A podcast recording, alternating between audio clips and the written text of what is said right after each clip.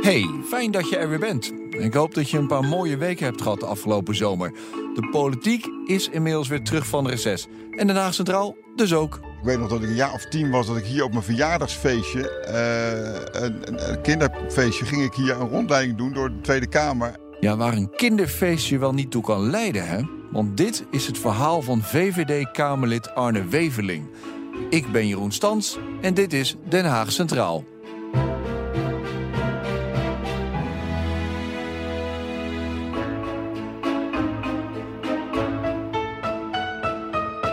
Ja, jij weet denk ik wel hoe je microfoon moet vasthouden. Eh, dat zou je denken, ja. Hoe lang is het geleden dat jij een microfoon hebt vastgehouden, Arne Weverling?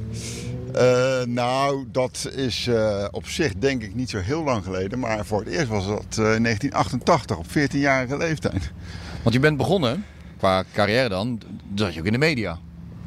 Ja, ik was scholier en ik dacht, wat ga ik met mijn leven doen? Nou, dat valt mee natuurlijk, dat denk je nog niet echt op dat moment. Maar ik zat thuis aan de radio te draaien en toen hoorde ik opeens op de frequenties, dat was toen nog in 1988, um, een soort oproep van de lokale radio. Van nou, als je deze prijsvraag goed beantwoordt, dan mag je een keer een dagje meelopen met ons. En jij was er zo eentje die dan ging bellen? En ik ging, nee, ik ging gewoon een kaartje insturen. Uh, uiteindelijk bleek dat ik de enige was die had meegedaan. Want ja, lokale omroep, wie luisterde daar op dat moment nog naar? Ja, ene Arne Weveling, blijkbaar. En uh, of ik het antwoord goed had, dat weet ik eigenlijk niet meer. Dat boeide ook niet. Ik was de enige uh, die meedeed. En toen mocht ik komen. En toen ben ik blijven hangen bij die omroep. Dat was bij de lokale, om, uh, lokale omroep in het Westland dan? Ja, ja de, de WOS. Ja, of zoals jullie zeggen, de WOS. Ja, in het Westland noemen we de WOS de WOS, inderdaad. Ja. ja Westlandse Omroepstichting. Maar die zijn dus uit voor Westland, Hoek van Holland, Midden-Delftland, Maasluis. Ja. ja.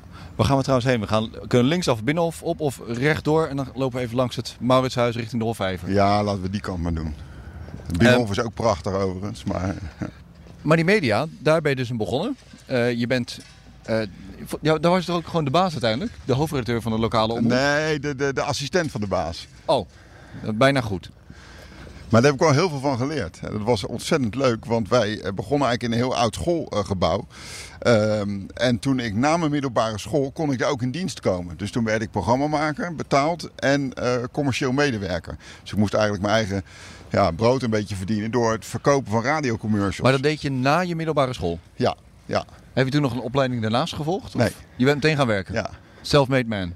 Uh, nou ja, ach, ja, je moet wel als je niet gaat studeren. Dus, dat, uh, dus, dus, ik heb mijn weg gevonden zo in het leven. Ja. Ja, ook geen andere opleidingen daarna nog gedaan? Of gewoon nou, alles, al, ik heb alles geleerd door te werken? Nee, Media Academie in Hilversum heb ik gedaan. Een aantal opleidingen. Ik heb uh, bedrijfskunde gedaan in de avonduren op de Haagse Hogeschool. Uh, ja, nou ja, dat soort zaken. Time management, je weet het wel allemaal, dat soort cursussen. Maar dan maak ik even, even heel, heel veel grote sprongen. Uiteindelijk zit je hier nu in de Tweede Kamer, uh, anderhalf jaar. We lopen nu langs de Hol 5, maar in die Tweede Kamer... daar gaan mensen heel graag praten op wat, wat voor fantastische opleiding ze wel niet hebben gedaan. Ben jij dan zomaar die, die, die, die vreemde eend in de bijt? Nou, ik zou willen dat er meer mensen zijn die uh, op deze manier hun weg uh, gevonden hebben in het leven. Uh, kijk, we hebben natuurlijk heel veel leuke en kundige en goede collega's. Maar de een die heeft nog meer gestudeerd dan de ander, ja. En uiteindelijk zijn we allemaal volksvertegenwoordiger, dus die studies zijn goed.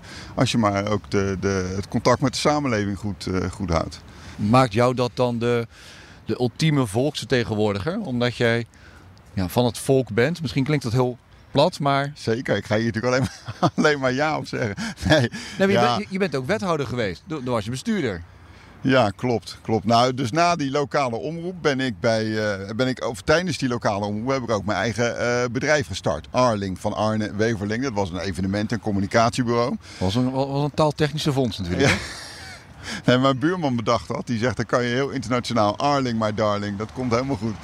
Uh, maar goed, dat heb ik 14 jaar gedaan. Het was een leuk bedrijf met, met uh, nou ja, een paar mensen in dienst en een eigen gebouw en, en of een pandje, zeg maar. En, en uh, mooie opdrachten. En toen ik 34 was, had ik het ruim 14 jaar. Toen ben ik dus wethouder geworden in de gemeente Westland. Dat heb ik acht jaar gedaan. Ja, en ik was altijd al met politiek bezig. Ik weet nog dat ik een jaar of tien was dat ik hier op mijn verjaardagsfeestje, een, een kinderfeestje, ging ik hier een rondleiding doen door de Tweede Kamer en door het oude gebouw nog. En er kwam Bert de Vries tegen, die oude CDA-politicus. Ja, dat was toch allemaal wel bijzonder, vond ik. Ja. Jij, jij was niet dat jongetje dat een, ehm, een kaartje naar zijn vriendje stuurde met neem je zwemkleding mee en je wordt thuisgebracht. Maar je had een uitnodiging van jongens, we zijn, ik word tien en we gaan langs de Tweede Kamer voor een rondleiding. ja, dus ridderzaal, Tweede Kamer. En eh, ja, dat, eh, dat klopt, ja. En, en een andere vriend van mij, Remmert, die was daar eh, ook bij. En zijn opa, die was al heel vroeg ook in de politiek. dus, dus daar ben ik eigenlijk ook wel door in de politiek terechtgekomen. En ik had twee andere opa's. Die, ik ben zelf liberaal opgevoed thuis. ik kom uit een ondernemersgezin en mijn vader heeft een, een eigen bedrijf. Ehm, maar mijn ene opa, de oprichter van het familiebedrijf, was altijd overtuigd PvdA-stemmer. En mijn andere opa, uh, die stemde altijd PPR. En die had ook zo'n zo petje op. Met een van de voorgangers van GroenLinks. Ja. En die, had ook, die was echt pacifist met zo'n geweertje op zijn op op pet. Als hij dan door de stad fietste, had ook geen rijbewijs. Was echt heel, uh, nou ja, heel uh, duurzaam bezig. Dus uh, dat waren wel altijd wel. Um, dus mijn liberale opvoeding werd wel op de proef gesteld. Maar tegelijkertijd waren dat ook wel hele goede discussies met die opa's. Want ja, dat, dat, dat waren toch hele andere denkbeelden. Maar had je dan al op die jonge leeftijd al discussies over politiek met je opa's? Nou, wel over onderwerpen. Ja, ik weet nog dat het begin jaren tachtig dat eh, de, de kruisraketten demonstratie was. Ik denk dat, dat ik, ik moest nog tien worden, denk ik. En dat was toch, dat was ook in het jaar, denk ik, dat Ruud Lubbers die was al premier in 83, verwacht ik. En uh, mijn opa ging hier op het Malieveld demonstreren tegen de kruisraketten. En ja, ik wist natuurlijk nog te weinig wat dat dan betekende. Maar die, die, die, die, die, die, ja, die gepassioneerdheid, die, dat, dat vond ik natuurlijk toch wel bijzonder van hem, moet ik eerlijk zeggen. En hoe Lubbers daar dan toch op zijn manier weer mee omging. En later heb ik dat nu wel weer teruggezien in allerlei tv-series. Hoe Lubbers dat toch, uh, uh, nou ja, eh, de, de kerk in het midden wist te houden. Ja. Uh, maar uh, ja, die ene opa, die, die, die, die uh, las ook altijd alleen maar de Volkskrant. Dus ik heb thuis stapels met Volkskranten van allerlei nou ja, onderwerpen. En zo probeerde hij mij een beetje levenswijsheid bij te brengen. Weten ze dit bij de VVD? Dat je uit zo'n uit zo'n links gezin komt? Eh, volgens mij heb ik dat allemaal verteld, ja. ja. Nou, het gezin. Kijk, mijn vader was wel echt een liberaal, of is. Uh, maar mijn opa's, ja, die waren wat, wat linkser. Maar kijk, uh, dat, dat, dat, dat vormt je uiteindelijk. Uh, dat vind ik eigenlijk ook het mooie.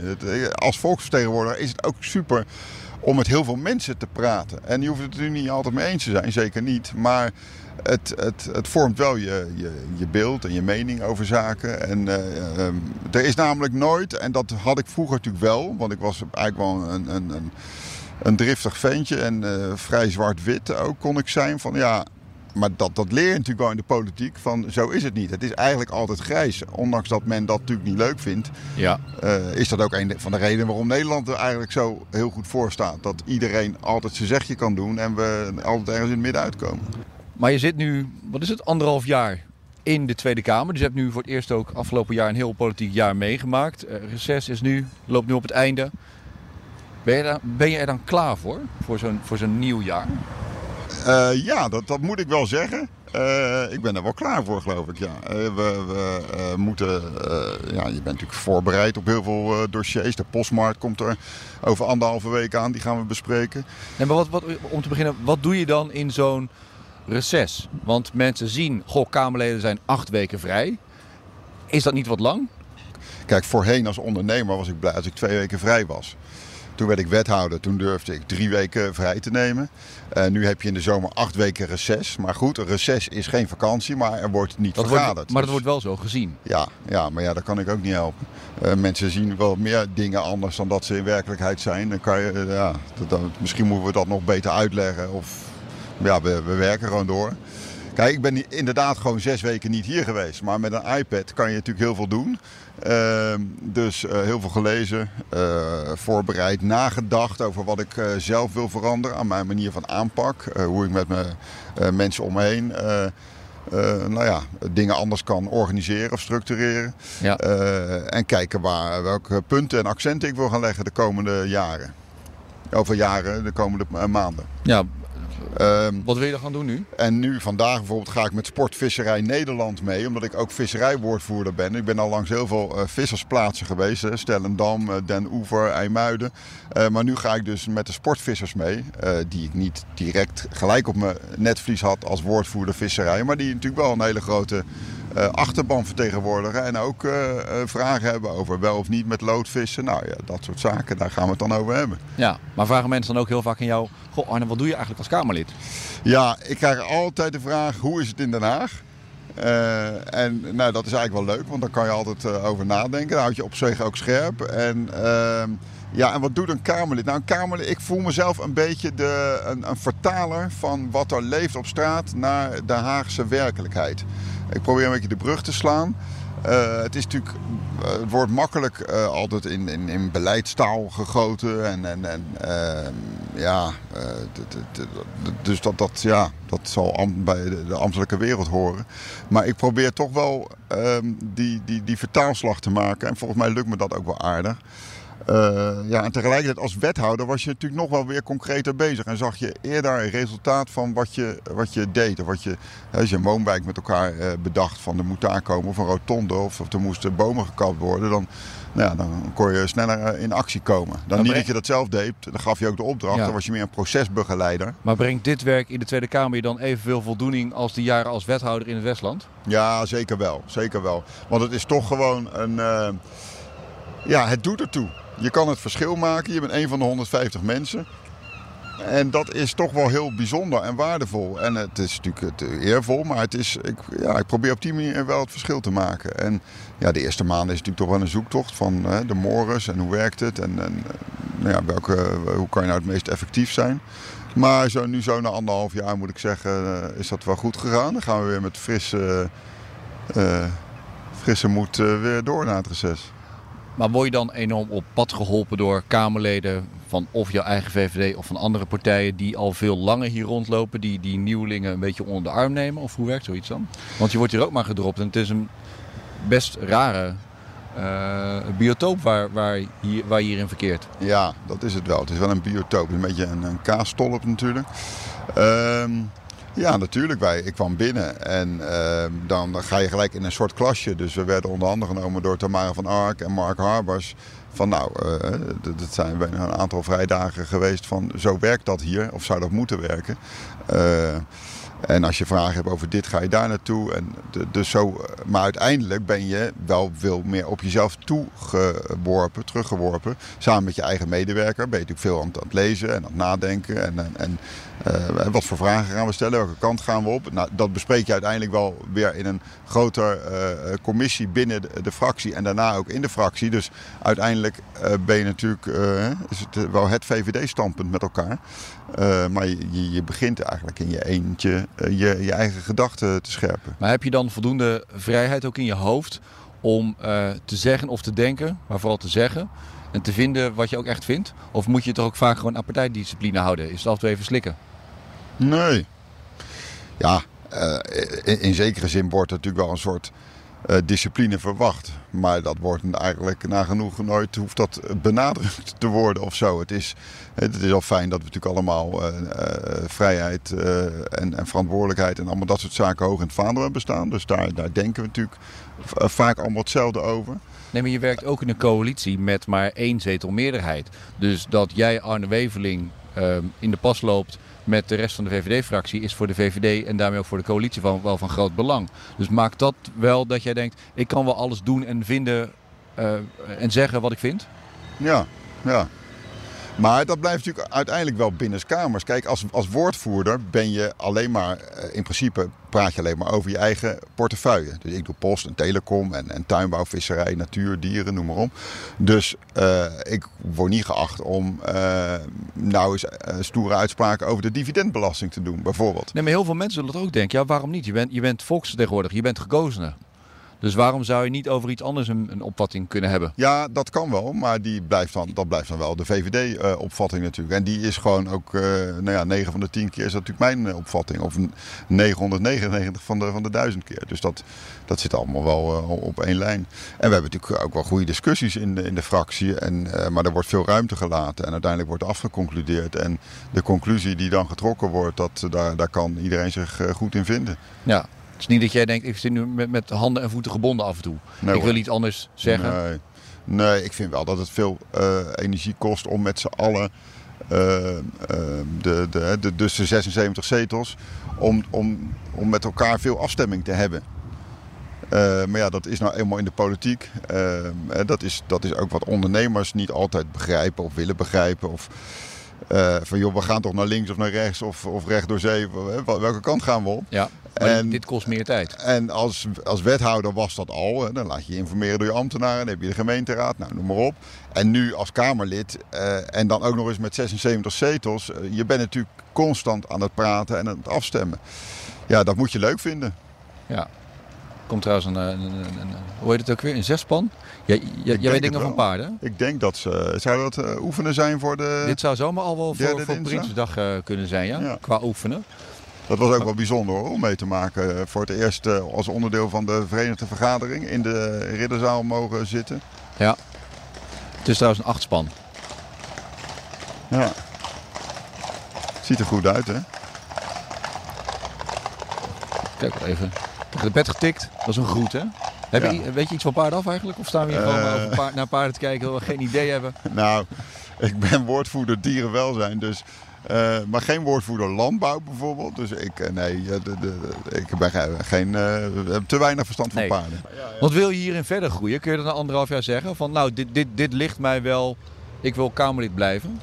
Uh, ja, ik vind het fantastisch om te doen. Ik zou wel Kamerlid willen blijven. Ja. Maar waarom is dat fantastisch? Ik bedoel, deze serie, die podcastserie gaat over waarom wil je Kamerlid worden. Ik merk vaak bij Kamerleden ook verwondering over hoe dingen gaan. Uh, en er zijn ook wel Kamerleden die zeggen, ja, uiteindelijk is het gewoon wel echt een, een, een, baan. Dus waarom is het dan iets fantastisch dat je altijd al willen doen? Uh, nou, de inhoud is mooi. De onderwerpen die doen ertoe. Want je kan het verschil maken. Uh, het, het, gaat uh, rechtstreeks over uh, ja, de, de, de, de, omgeving van mensen. Ehm, maar dat kon je natuurlijk ook en als het is. Ook het is ook wel iets spannends natuurlijk. Eh, dat je onderdeel bent van, van dat geheel.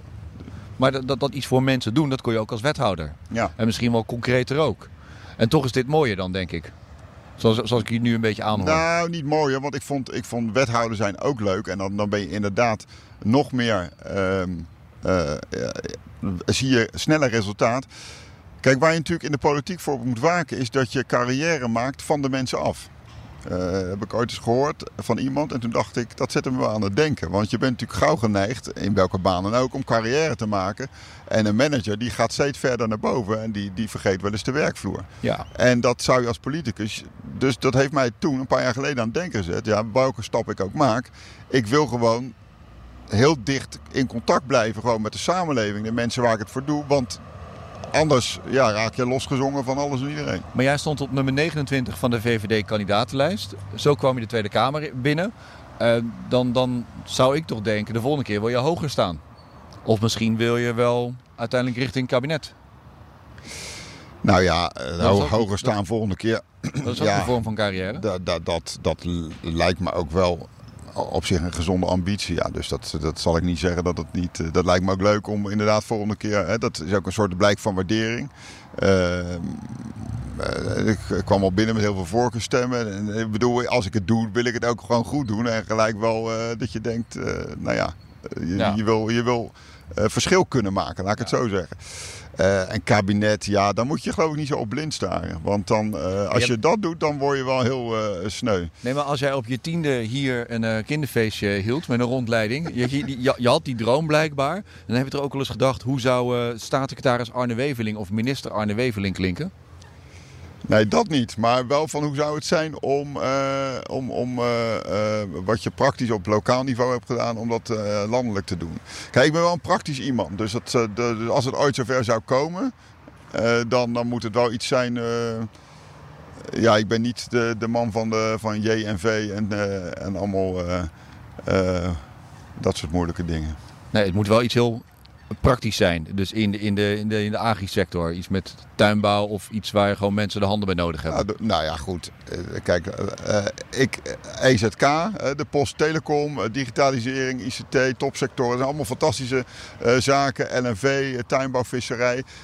dat, je hebt ook te maken met mensen die, die heel authentiek zijn en die hard werken. En uh, dat, ja, dat spreekt me altijd wel aan. En die mensen die hebben mensen in dienst en die weten gewoon zelf uh, hoe ze de brood moeten verdienen. En dat vind ik ook wel eens. Uh, dat wordt natuurlijk in Den Haag altijd wel gezegd dat ze begrijpen wat er in het land gebeurt. En dat, dat, dat, dat, dat, dat bedoel, wie ben ik om dat tegen te spreken? Maar het echt doorvoelen. ja, ik geloof dat ik daar wel goed in contact sta met, met de samenleving. Omdat je dat zelf ook uh, zo hebt gedaan. Door hard te werken, door na je middelbare school meteen te gaan werken. Ja, ja. ja. En, en ik kom uit een ondernemersgezin. Mijn vader, die, uh, het bedrijf bestaat nu bijna 80 jaar. Uh, ja, dat is een mooi hoveniersbedrijf. Nou, dat ging natuurlijk ook niet altijd over, over rozen. er moesten wel eens mensen worden ontslagen in de begin jaren 80, in de crisistijd. Ja, dan voel je die pijn natuurlijk aan de keukentafel. En dan wordt er gesproken van ja, we, we moeten eh, er tien ontslaan van de, van de 30. Nou ja, dat hakt er wel eventjes in. Uh, uh, dus dan zie je, toch uh, nou ja, die strijd, maar je ziet ook de voor's en tegens, regelgeving. En, en, en die moeten natuurlijk allemaal zijn, regelgeving. Maar ehm, het goed doorvoelen van, van de pijn van de mensen die ook gewoon onze economie draaiende houden. Want zonder economie geen welvaart en, en geen welzijn. Dus, dus ja, laten we met z'n allen goed doordrongen zijn dat, dat ondernemend Nederland uh, Nederland ook echt draaiende houdt. Ja, en toch had jij als hele kleine jongen, voordat je aan die keukentafel zat, dus die wens om hier je, je verjaarpartijtje te houden. Maar was het toen op dat moment ook al dat je dacht, uiteindelijk wil ik dan hier terechtkomen? Want je bent dus begonnen met ondernemen. Maar had je altijd in je achterhoofd, ik wil dit dus wel hier uitkomen? Nou, dat geloof ik toch niet. Dat ik dat toen al dacht. Ik vond het heel fascinerend en ik heb het ook altijd gevolgd. En ik heb ook als, als, als jongen bij de lokale omroep en later uh, heel veel debatten geleid en discussies en politieke uh, gemeenteraadsverkiezingen als verslaggever gevolgd en zo. Dus ik was wel altijd met die politiek bezig, maar ik dacht eigenlijk nooit van ik wil aan de andere kant zitten. En toen kwam die vraag en ja, dan kom je erachter dat het gewoon heel lastig is besturen en, en, en uitdagend. En dat, dat je jezelf natuurlijk uh, op de proef stelt en dat je veel, uh, nou ja, je, veel moet leren om, om dat goed te kunnen. Ja, stukje die kan oplopen trouwens weer. Vind jij zelf dat je je tot nu toe onderscheidt? Of is dat eigenlijk een criterium voor je, voor je dat je onderscheidend wil zijn? Uh, ja, ik wil wel onderscheidend zijn, uiteraard. Ehm, maar ja, ik heb bijvoorbeeld nog nooit een, een vraag ingediend voor uh, het mondelinge vragenuur. Ja, de vraag is dan ben je dan onderscheidend genoeg? Ja, eigenlijk maakt me dat al niet zo heel veel uit. Maar waarom niet? Zijn er uh, geen onderwerpen geweest die er voor in aanmerking kwamen? Of, of ja, vind je dat minder belangrijk? Nou, ik probeer het gewoon via schriftelijke vragen op te lossen of op een andere manier. Maar uh, eh, het gaat er, kijk, wat ik bedoel aan te geven is, ja, wanneer ben je onderscheiden? Wanneer ben je een goed Kamerlid? Als je op de voorkant van de Telegraaf staat, uh, dat wordt door veel mensen wel zo gezien. Uh, kijk, als, uh, ik, ik geloof dat ik voor, voor, voor, veel mensen niet altijd heel zichtbaar ben. Wel de mensen in het land waarmee ik in contact ben en waar ik het voor doe en, en de, de achterban.